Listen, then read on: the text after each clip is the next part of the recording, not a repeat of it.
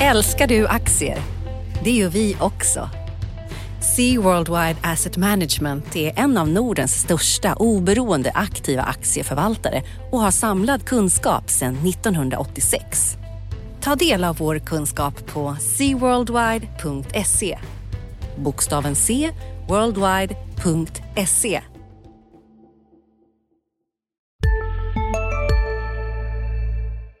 Analyspodden presenteras i samarbete med Lendify. Genom att investera i lån till kreditvärdiga låntagare kan du bredda din portfölj med en ränteplacering som inte korrelerar med börsen. Den genomsnittliga årsavkastningen de senaste 12 månaderna har varit cirka 6% efter kreditförluster och avgifter. Lendify har tillstånd från Finansinspektionen och några av landets främsta institutioner och entreprenörer som investerare. Läs mer på lendify.se. Analyspodden från Dagens Industri. Hej och välkommen till Analyspodden. Med oss idag kör vi jag, Johan Wendel, eh, analytiker och reporter på DIs börsredaktion och nerifrån Göteborg har jag med mig Rickard Bråse. Välkommen! Tack! Mycket trevligt att få vara med i podden här. Ja, och vi ska säga att vi spelar in den här vid lunchtid här, fredagen den 27 april. Eh, så att ni är medvetna om tidsspannet. Jag tänkte börja med att summera lite av veckan här. Det har ju varit eh, en hel del eh, rapporter rapporter, men vi har också haft eh, lite centralbanksbesked där Riksbanken meddelar att räntan är oförändrad. Det var ju jätte, väldigt väntat. Eh, det som var kanske lite mindre väntat, men eh, som ändå fanns i görningen så att säga, var att man justerade den här räntebanan så att ja, nu dröjer det ännu längre innan eh, vi blir av med den här minusräntan, om vi blir av med den. Det vill säga, vi har haft några prognosmakare som har justerat sina prognoser innan det här eh, räntebeskedet. Bland annat så tror ju eh, Danske Bank inte på någon räntehöjning först i början av 2019. Nordea sticker ut hakan rejält och tror inte på en räntehöjning först i slutet av 2019. Så att vi får väl se när Ingves höjer räntan. Vi har haft lite besked från ECB. Där var det också oförändrat räntemässigt, men eh, anmärkningsvärt där var ju att eh, Draghi var kanske lite, vad ska man säga, pessimistisk om utvecklingen i Europa.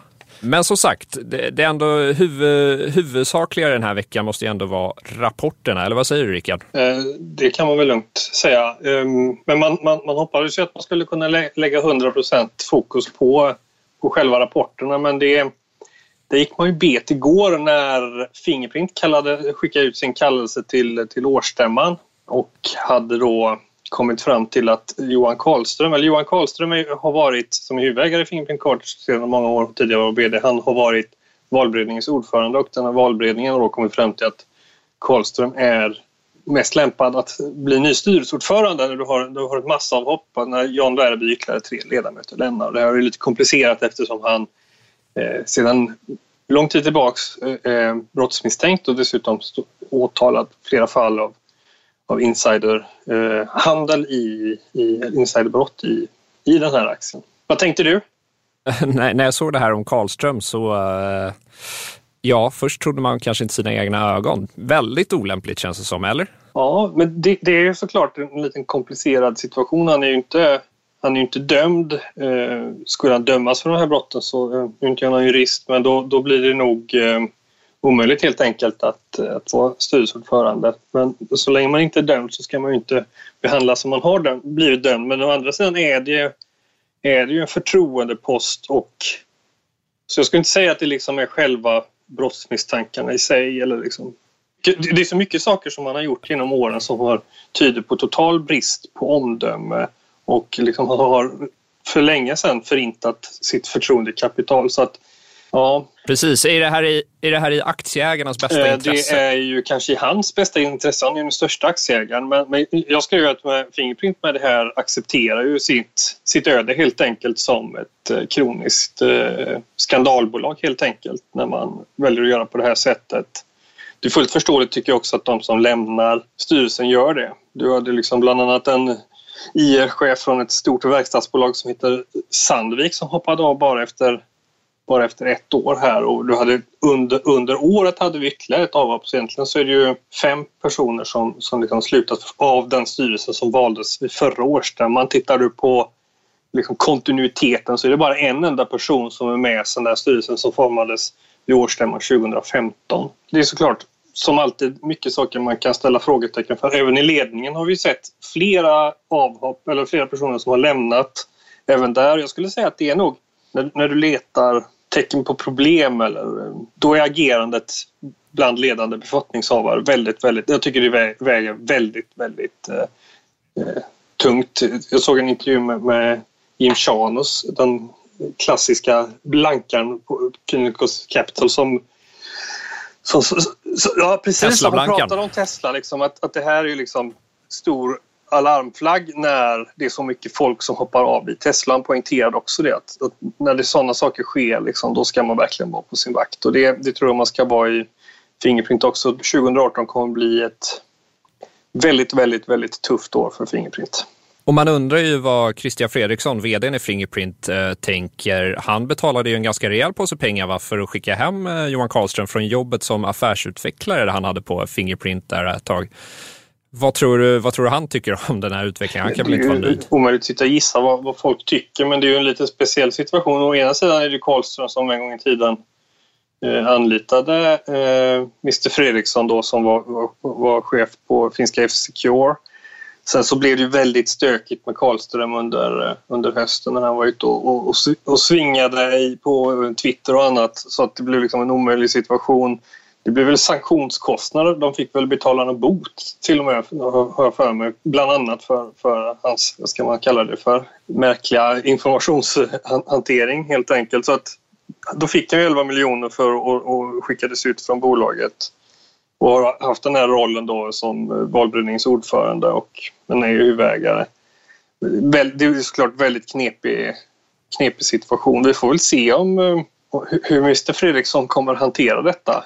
Han, eh, han, är, han är ju från Nokia så att han, han har ju varit i ett bolag som har hängt på repen tidigare så är det någon som ska liksom klara av att vända det så kanske det är en sån som han men det blir nog inte helt optimalt när det kommer in när Karlström kommer in, går in som, som styrelseordförande. Det skickar inga bra signaler.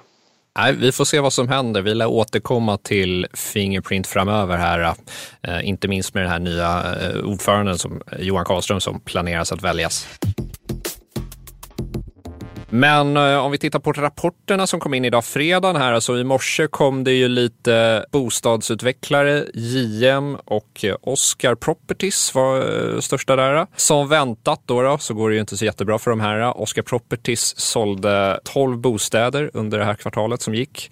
Eh, som jämförelse förra kvartalet eh, så sålde de, eller för, motsvarande kvartal förra året eh, heter det, sålde de 102 bostäder.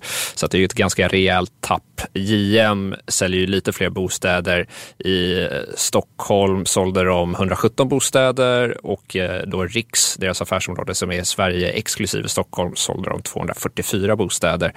Eh, JM blev ganska slaktade på börsen, eller slaktade är att ta i, men de gick ner med 6-7 procent här i morse. Men, men, men det är ju helt naturligt, så att den ska ju ner på den här rapporten de, de säljer 32 procent färre lägenheter i det här kvartalet än vad analytikerna har räknat med. Jag skulle säga att det är den, en, det är den enskilt viktigaste den enskilt viktigaste siffran att, att hålla koll på i de här i, i de här bolagen i det här läget. Sen så har jag en liten annan talserie för dig och det är 78, 71, 65, 61.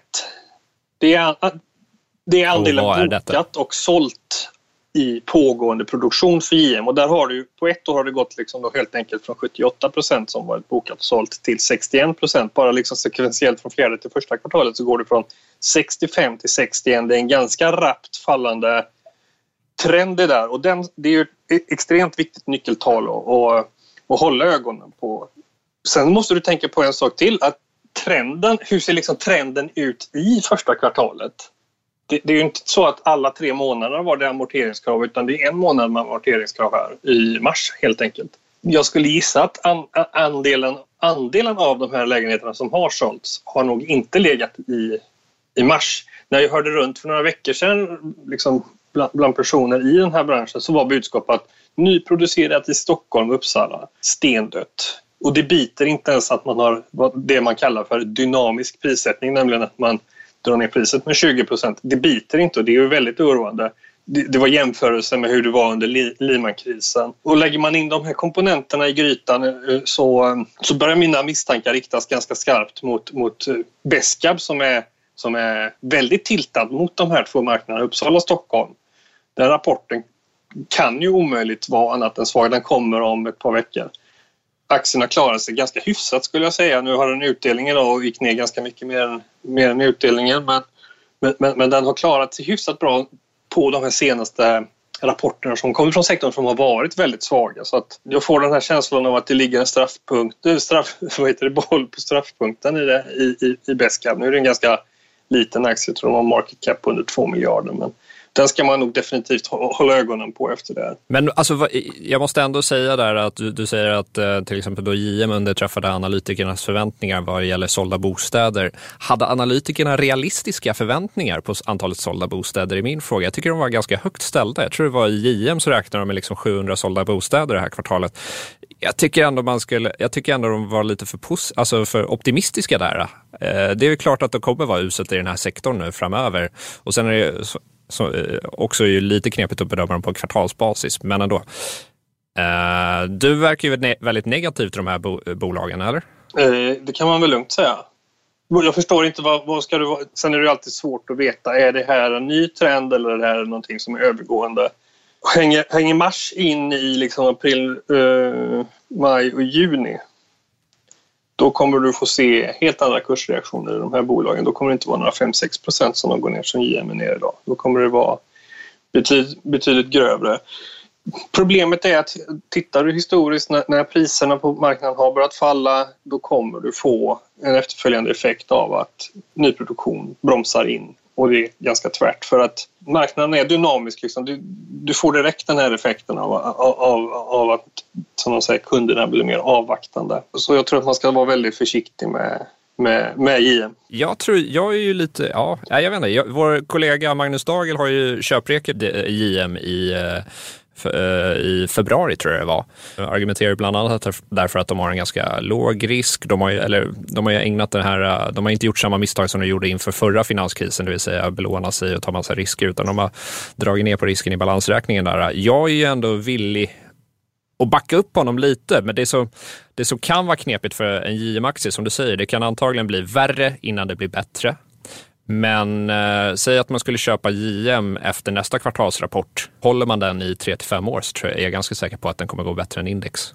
Därför det kommer ske konsolidering i den här sektorn. Man ska ju se tecken på att den här marknaden börjar förbättras och det kan ju ta längre tid än man tror tror jag. Ja, men är du en ren bostads... Så bygger du bostäder och det inte säljs några bostäder, då har du liksom ingen verksamhet. Sen så är JM i grund och botten ett väldigt eh, Alltså, alltså de kommer aldrig gå i konkurs eller något sånt här i ett liksom katastrofscenario för då kommer Skanska köpa dem. För att de, i grund, de, de, de har sin landbank också som de kan stå på så att eh, det är inte de som... Det, det är inget sånt här uh, gå till noll-scenario som finns i IM men jag tror att den kommer fortsätta gå väldigt, väldigt svagt. Så jag håller inte med Dagel i den här frågan faktiskt. Sen är frågan då, om det väl börjar bättra på eh, marknaden, vad skulle kunna vara en tänkbar trigger uppåt för eh, aktien då. då. Det där, den, en sån är ju svår att se i nuläget, utan som vi är inne på, det kommer antagligen bli sämre innan det blir bättre. Men jag vet inte, jag, är väl, jag håller ett öga på IM. Den brukar ju skvallra lite om vad bostadspriserna går framöver också. Vi ska lämna bostadsmarknaden där och eh, gå in på Handelsbanken. Vår kollega Anders Hägerstrand avslöjade i veckan här att eh, Handelsbanken har varit i trubbel i Storbritannien där eh, brittiska motsvarigheten till Finansinspektionen, FCA, har haft allvarlig kritik på hur Handelsbanken har bedrivit verksamhet i Storbritannien och man har inte haft någon kontroll på eh, personer och man har kunnat eh, ja, vara ett instrument för penningtvätt och sådana här grejer. Vad, Rickard, vad säger du när du, eh, när du såg det här? Vad säger du om det här? Ja, till att börja med, Anders Hägerstrand har gjort många bra avslöjanden genom åren såklart, men jag skulle säga att detta är ett av de mer intressanta och jag är osäker på om liksom man greppar hur illa den, det här är att brittiska finansinspektionen riktar den här kritiken. För mig är det lite av S för Handelsbankens jag kallar det för ett hashingen moment. Getinge fick ett problem med hashingen och fick kritik från FDA för många år sedan och där det där hänger liksom fortfarande kvar i Getinge. Man lyckas inte skaka av sig det. Och problem som upp, och det, det här hänger ihop med att problem som uppstår, de kommer inte bara helt, eh, helt random utan problem kommer i organisationer som har svagheter och svagheter är ett flockdjur. Eh, det som gör det här ännu mer komplicerat är att han som har varit chef för den delen av Handelsbanken som det här handlar om är ju chef över hela Handelsbanken idag. Bolag med stor kontaktyta mot myndigheter och regulatorer som inte lyckas leva upp till de mest basala förväntningarna och reglerna.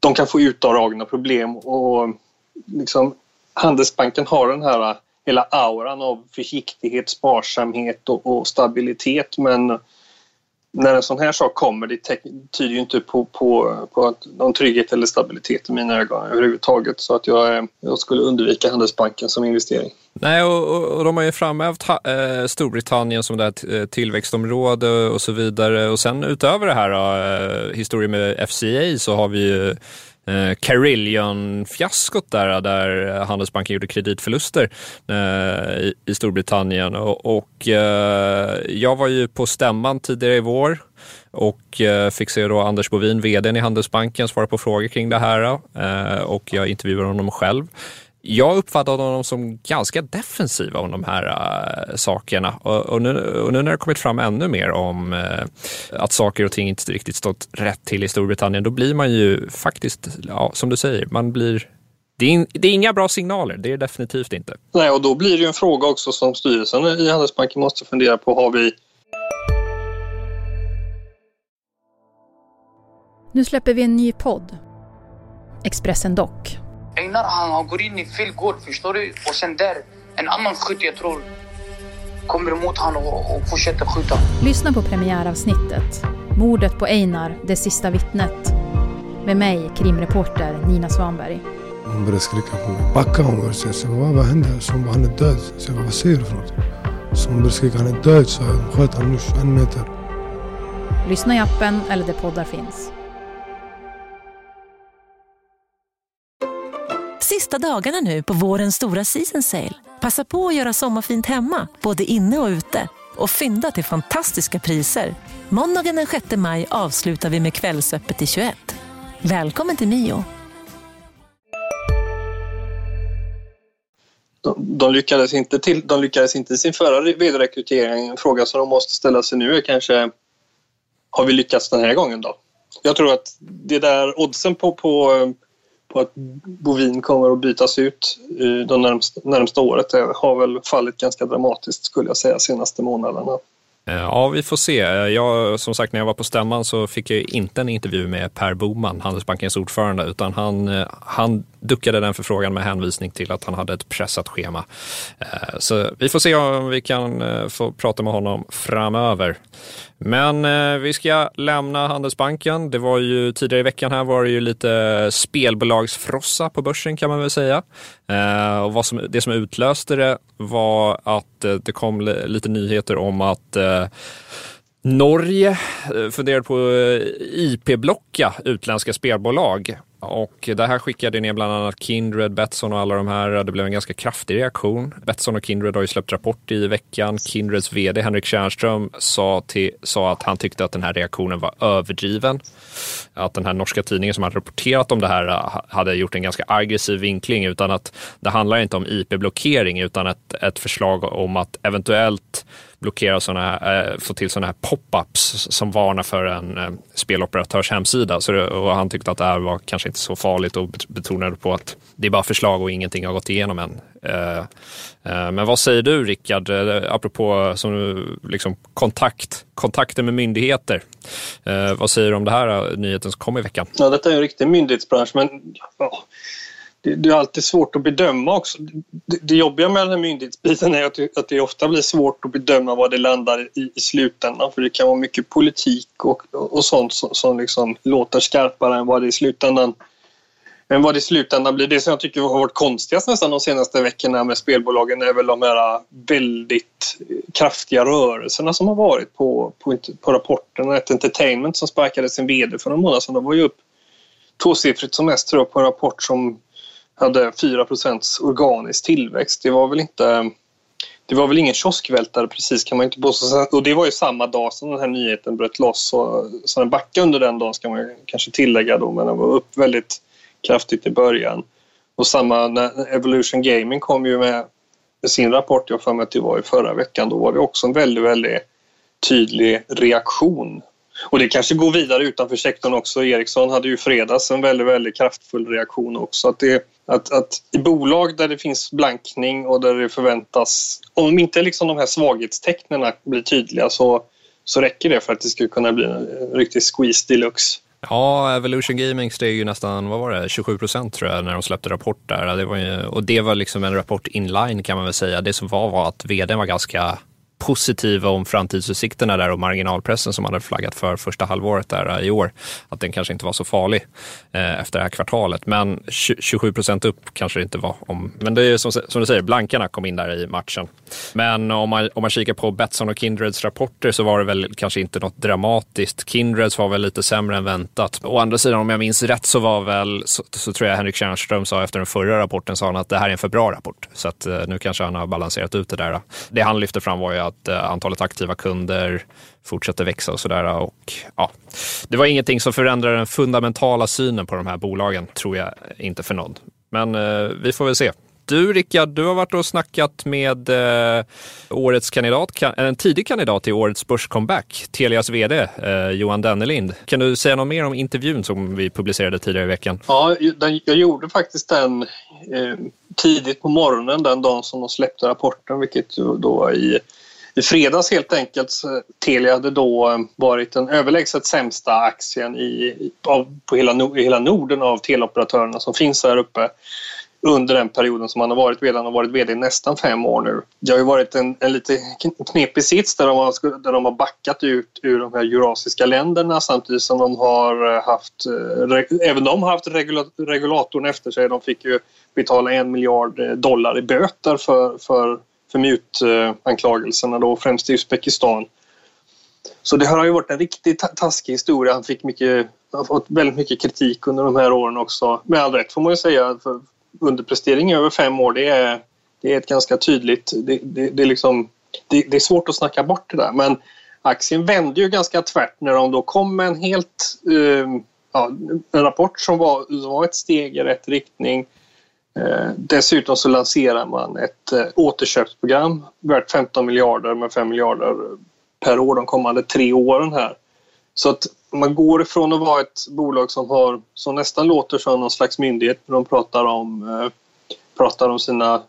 Eh, hållbarhet och, ja, hållbarhet och allt vad Uzbekistan liksom. Och det, Alltså det är bara att acceptera att det är ju väldigt, väldigt, det är nog väldigt, väldigt svårt att äh, agera korrekt på vissa marknader. Nu har man ju snart backat här ur de här marknaderna och sålt av även de här intressebolagen som man har ägt, Megafon och man har sålt av de direktägda aktierna i eh, i Turkcell. Man har en indirekt post kvar där som är värd 2 miljarder dollar ungefär och den där kommer ju eh, liksom väldigt svår att sälja. Det finns ägarkonflikter involverade så att den kommer nog inte säljas för liksom, det officiella priset om den då lyckas sälja utan den ska man ha en rabatt på naturligtvis. Men Telia har varit väldigt, väldigt överkapitaliserat. Nu tar de tag i det och, och, tar då, eh, och startar ett återköpsprogram så att det blir ett mycket mer aktieägartillvänt bolag nu framöver. Och börjar man skalar du bort alla de här dystra sakerna som har hänt i, i österled och fokuserar mer Ja, men då har han ju ändå gjort en hel del bra saker. De, de, de har gjort förvärv i... De köpte Tele2 Norge bland annat.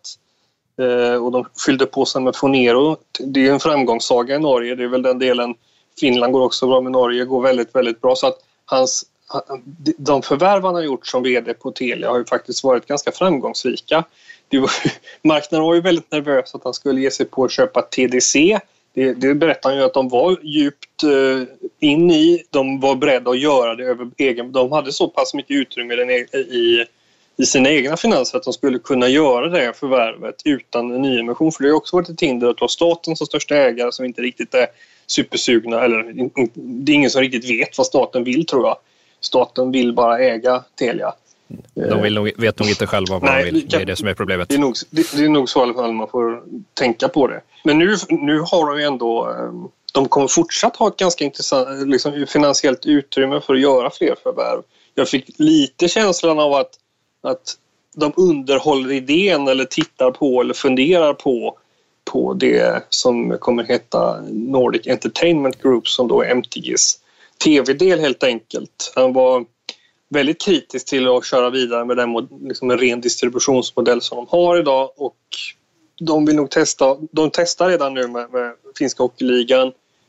Vi får se, jag tror att de är ganska att det där kan nog bli en, vara en kandidat för dem i alla fall. De, de, har det nog under, de har det nog på sin shortlist i alla fall över saker som man tittar på. Sen var jag väldigt irriterad också över att de inte hade fått, jag har ju tjatat lite att de ska köpa Broadnet i Norge som eh, är EQTs kabeloperatör men de sålde, de sålde ju EQT istället till en annan EQT-fond istället för att sälja till Telia. Så att det, där visar han ju kanske också att han har lite disciplin, att de inte kastar pengar liksom i oändligheten bara för att göra förvärv bara för att de är strategiska utan att de har...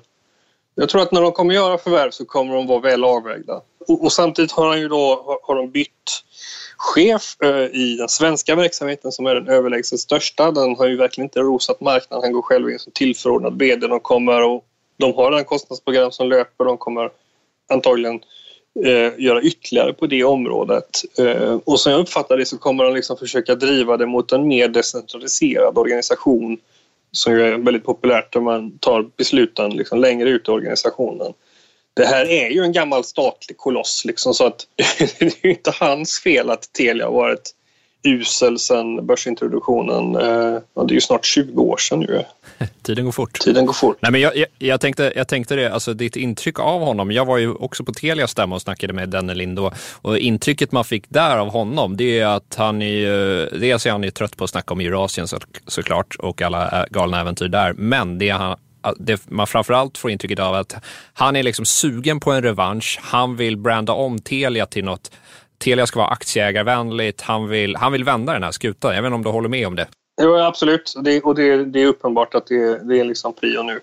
Och aktien gick upp väldigt mycket från var, var den upp 7, 8, 9 procent. Det är ju väldigt, väldigt, väldigt mycket för att vara Telia då på rapporten. Och sen så har den fortsatt att gå, gå starkt. Men så kom vi till ett två här med, med en rapport. Det har varit min föredragna eh, teleoperatör här senaste senaste åren. Och de visar väl eh, igen då att det kanske är vem som är bäst för att där kommer det egentligen samma sak. Ett besked som indirekt betyder att det kommer bli väldigt stora utdelningar framöver plus återköp. Så att du har två bolag som har gått i samma riktning som har sålt, ut, sålt av marknader långt bort i stan och på andra håll. Tele2 kommer ju sälja Kazakstan förmodligen under nästa år. De har en process i Nederländerna som de håller på att slå ihop med T-Mobile och så vidare. Men i, i slutändan så kommer du ha två bolag som kommer landa på sina nordisk-baltiska marknader och vara, var liksom rena, väldigt mycket rena konkurrenter där.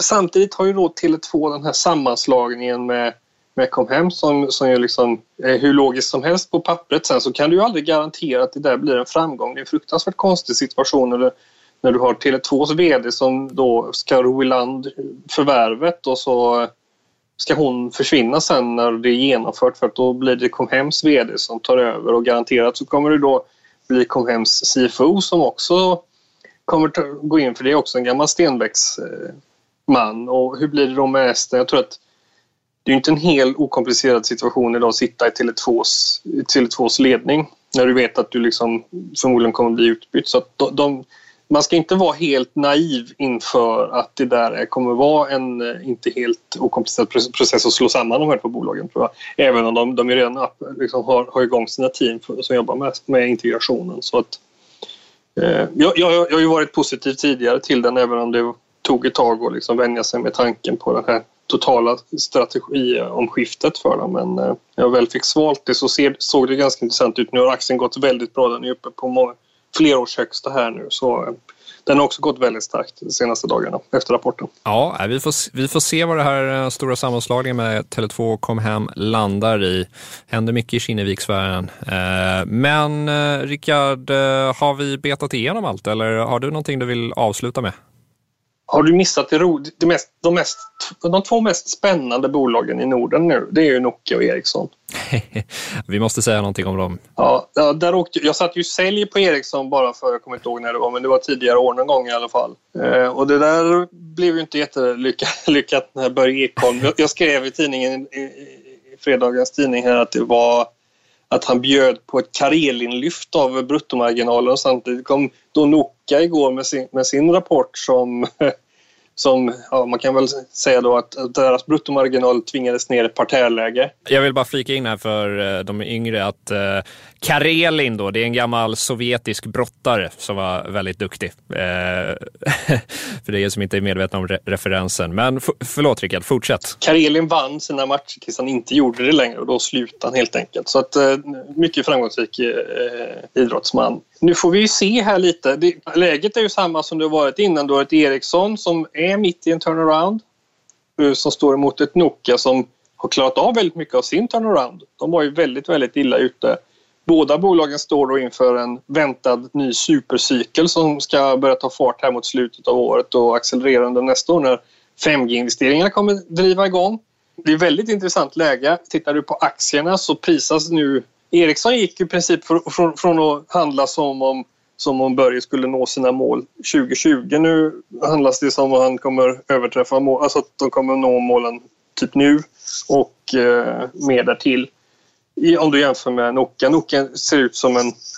Om du har en värde, värdesyn på det så ser Nokia ut som en väldigt, väldigt mycket mer intressant eh, investering. Dessutom var ju då problemen i Nokias lönsamhet att den föll så kraftigt som den gjorde att rörelsemarginalen gick ner så mycket. Det berodde på, enligt ledningen, då, på, på, på övergående effekter. Att det var väldigt kraftigt negativa mixeffekter. Dels på, inom produkter, att de sålde helt enkelt lägre marginalprodukter i större utsträckning. Plus att marknaden de har högre marginal svarade för en mindre del av försäljningen. Så han var ju väldigt, det var en väldigt intressant rapport för Nokia när aktien gick supersurt fram till klockan två när Nokias telefonkonferens satte igång eh, och han var helt obrydd inför för det här eh, att de hade en svag marginal i kvartalet och förklarat att det där går över och vi håller fast våra helårsprognoser för att det här kommer...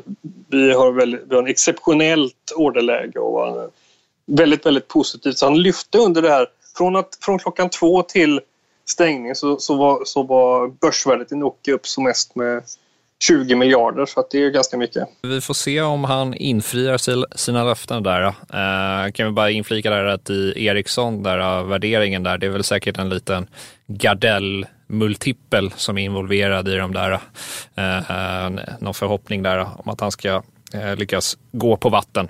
Då tror jag vi har betat av allt för den här gången. Vi tackar så mycket för att ni lyssnade. Vi hoppas ni lyssnar framöver. Glöm inte att lyssna på våra andra poddar här på DI. Vi har ju Digitalpodden från det Digitalgänget. Vi har Förnuft och känsla och vi har våra eh, Makrorådet som handlar om makro såklart. Tack för att ni lyssnar idag. Vi önskar trevlig helg. Ha det så bra. Take care. Hej.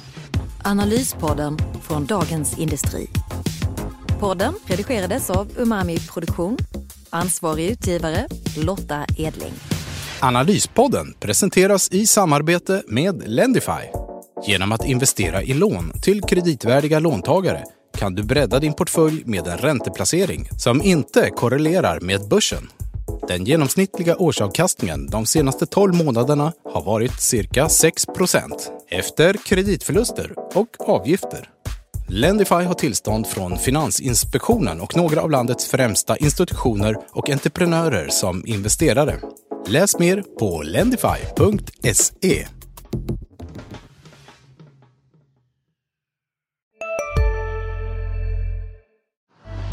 Älskar du aktier? Det gör vi också. Sea Worldwide Asset Management är en av Nordens största oberoende aktiva aktieförvaltare och har samlad kunskap sedan 1986. Ta del av vår kunskap på seaworldwide.se. Bokstaven C, worldwide.se